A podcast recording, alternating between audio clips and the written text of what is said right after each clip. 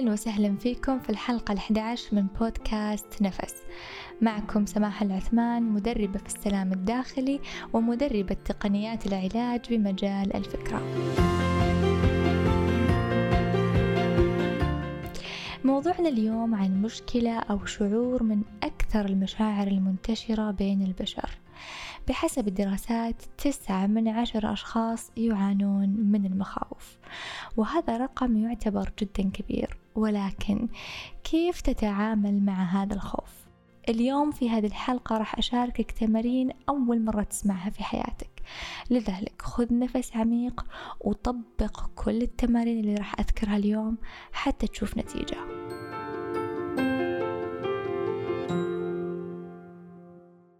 إذا كنت تعاني من المخاوف أحب أقول لك لست وحدك تسعة من عشر أشخاص عندهم مخاوف ومع وضع آخر سنتين أكيد زاد وهذا الشيء أشوفه من خلال الجلسات والاستشارات الخاصة عندي ولكن إيش يعني هذا الخوف؟ من وين جاي؟ وليش جاي؟ يقول معلمي دكتور روجر كلهان مخترع تقنيات ال TFT ومؤلف كتاب Tapping the Healer Within أن الخوف هو عبارة عن اضطراب في الفكرة ما يهم أنت تخاف من الموت من المرض من الحشرات من المرتفعات. ما يهم نوع الخوف اللي عندك ولكن أساسه هو اضطراب في الفكرة. أو مثل ما درسته perturbation. في فكرة غلط عندك عن الشيء اللي أنت تخاف منه. ليش تخاف تتكلم قدام الناس مثلا؟ هم ناس مثلك مثلهم إيش المشكلة؟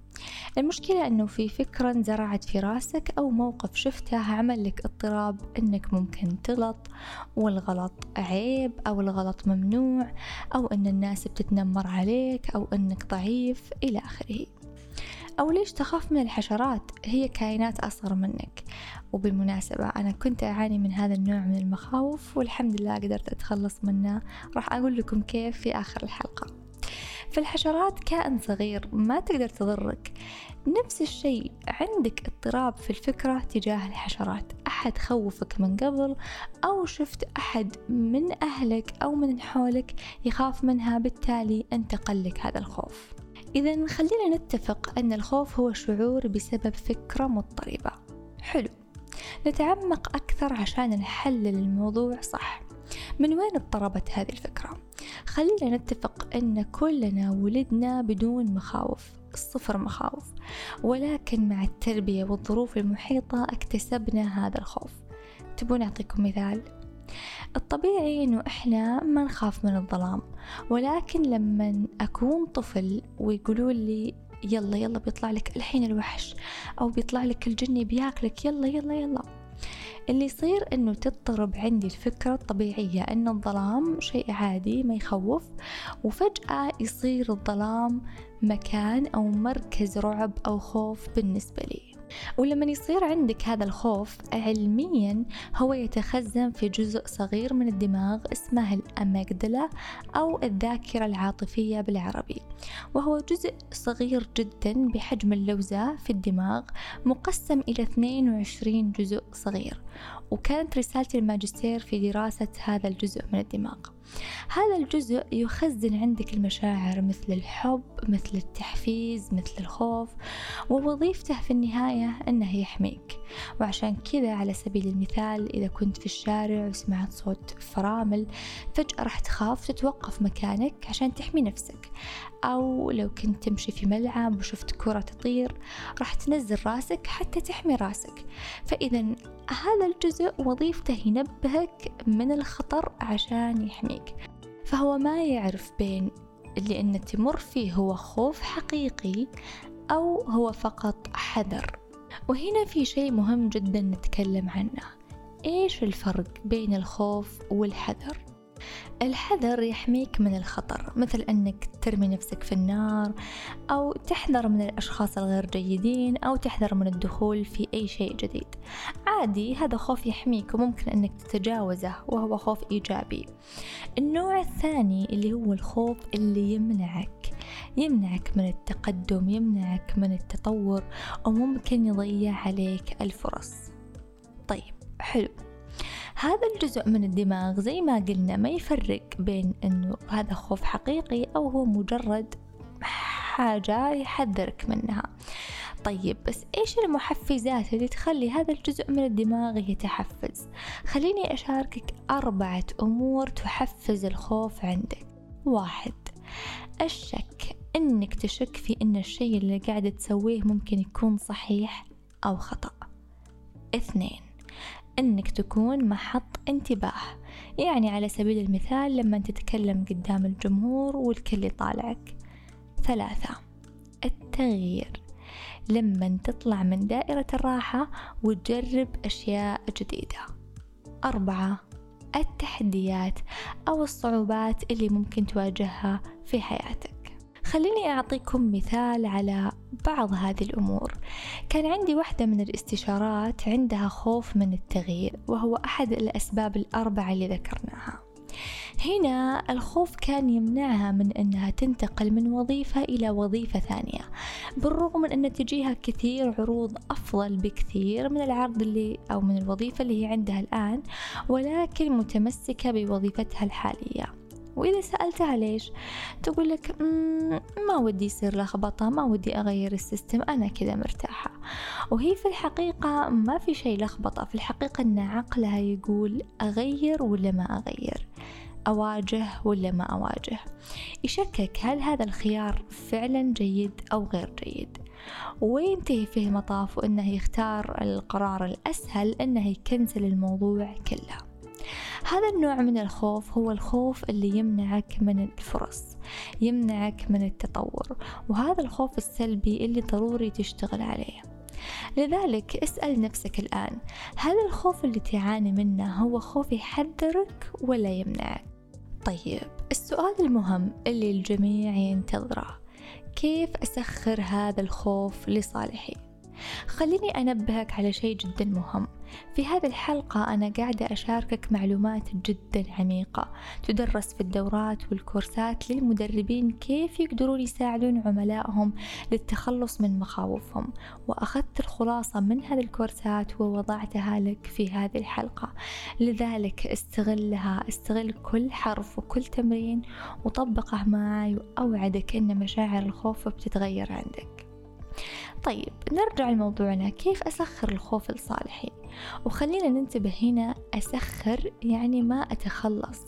أسخر يعني أكتسب مهارة جديدة تعلمني كيف أتعامل مع هذا الخوف في أن أحداث حياتي تمشي وما تتوقف.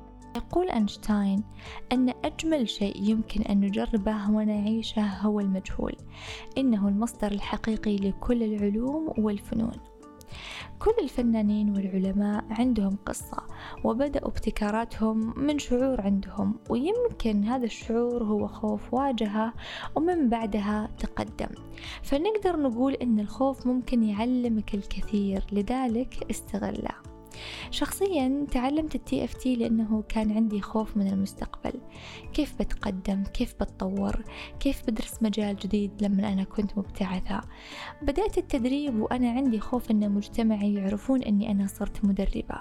وكنت أقول في خاطري إيش بيقولون عني؟ تركت شهادتها وصارت مدربة وتطورت وفتحت حساب إنستغرام وكنت أخاف أنشهر وأقدم معلومة غلط. كل هذه المخاوف داخلية ولكن واجهتها وكنت أركز فقط على النجاح. وعلى الرضا الداخلي أو السلف ساتسفاكشن إلى أن وصلت للي أبيه ودائما أطمح للأكثر. طبعا لا يزال الآن عندي مخاوف لأن كل شخص طبيعي عنده مخاوف ولكن تعلمت كيف أتغلب عليه وأسخره لصالحي. وأنت أيضا تقدر تسخر خوفك بأنك تتعلم مهارة التعامل مع هذا الخوف وأنه يكون لك العجلة المحركة. تخاف من الفقر؟ قوم اشتغل قوم احفر الأرض إلين تطلع فكرة تدر عليك الأموال. تخاف تتكلم قدام الناس تدرب تدرب تدرب. خلي العالم كله يسمع صوتك وأنت تتدرب. وتقبل أخطائك. عادي خلي الخوف هو الدافع عندك. تعرفون أني قابلت ناس كثيرة عندها شهادات ودورات وخبرات كلها اكتسبتها أثناء ما كانت تدور حل للمخاوف اللي عندها. لذلك خلي خوفك هو الدافع للتغيير واجهه وتقبله لأنك بشر وعادي أنك تخاف. رفضك للخوف يخليه يتطور ويكبر ولكن إذا تقبلته تقدر تطور مهارة التعامل معه. طيب سماح هل فعلا أقدر أعالج الخوف؟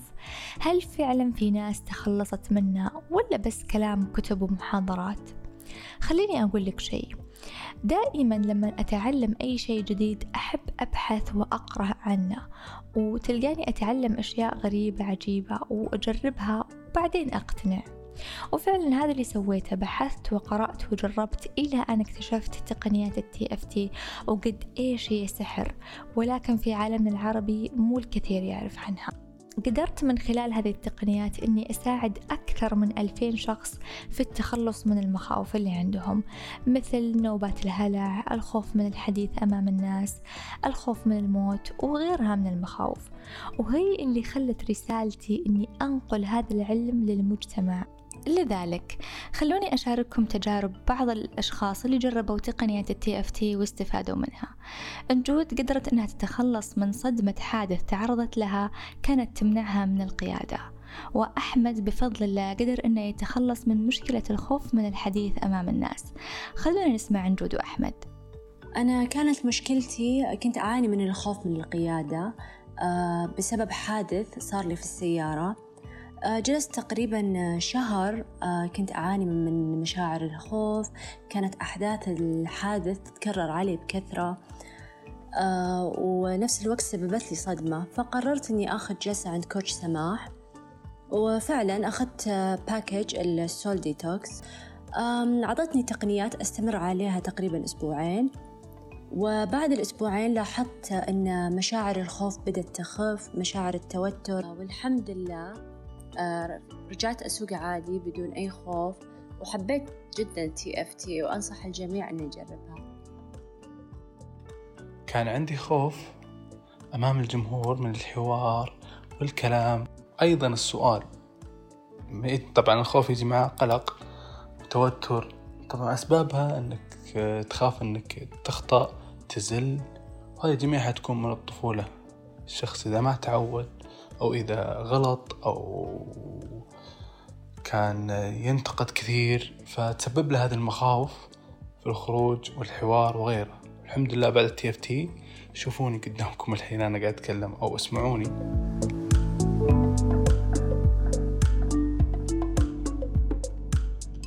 أعرف أنك بتتساءل إيش هذه التقنيات؟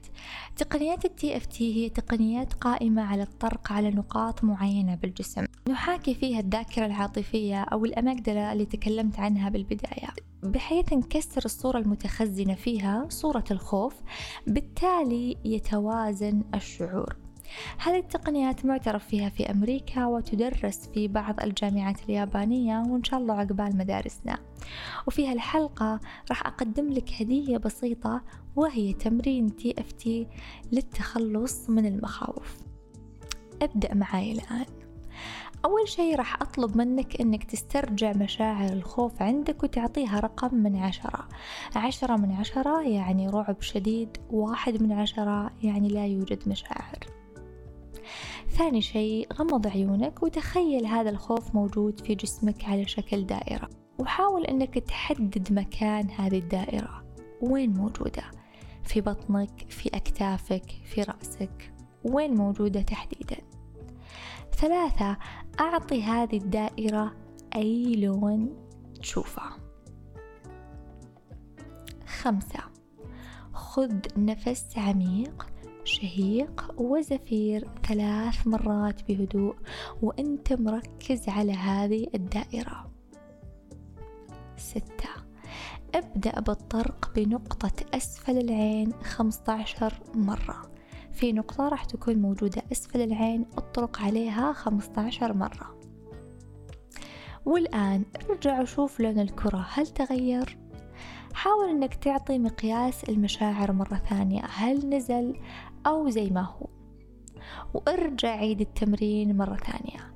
تنفس تنفسات عميقة ثلاث مرات شهيق وزفير ثم أعد الطرق أسفل نقطة العين. كرر هذا التمرين لمدة ثلاثة أيام وحاول أنك تكتب مخاوفك على ورقة وقلم ومن ثم تشق الورقة وتتخلص منها. هذا التمرين جدا جدا جدا بسيط وبيساعدك فعلا لأنه النقاط اللي موجودة فيه جدا فعالة نشتغل فيها على نقاط الخوف في الجسم. استمر عليه وشاركني تجربتك في التعليقات وإذا احتجت لمساعدة أكثر أنصحك أنك تأخذ جلسة خاصة معي حتى أطبق معك تمارين التي اف تي بشكل أعمق وبنقاط خاصة فيك. إذا تعرفنا اليوم في هذه الحلقة على أسباب الخوف الأربعة ومن وين يجي هذا الخوف علميا؟ وكيف أقدر أسخر هذا الخوف لصالحي؟ وكيف أقدر أتخلص من الخوف بتقنيات التي اف تي إذا استفدت فعلا من هذه الحلقة وتعلمت ولو معلومة واحدة جديدة ياريت تشاركها أصحابك وأهلك وكل من حولك حتى يستفيدون. ولا تبخل علي في تعليق أنك تكتب لي إيش رأيك في هذه الحلقة لأنه جدا يشجعني أني أقدم لك دائما الأفضل. وفي الختام خلونا نسأل الله سبحانه وتعالى يوعينا على مخاوفنا ويعلمنا كيف نتصالح معها وكيف نتقبلها. وخلونا نسأله سبحانه أنه ينسفها تماما ويساعدنا نتخلص منها بأيسر وأسهل الطرق وأنه يساعدنا نتعلم كيف نتطور ونسخر مخاوفنا لصالحنا في هذه التجربة الأرضية وكيف ممكن نكون في أفضل نسخ من أنفسنا. ألقاكم في الحلقة الأخيرة من الموسم الأول من بودكاست نفس اللي بتكون عنوانها كيف ما أهتم برأي الآخرين فيني. في أمان الله.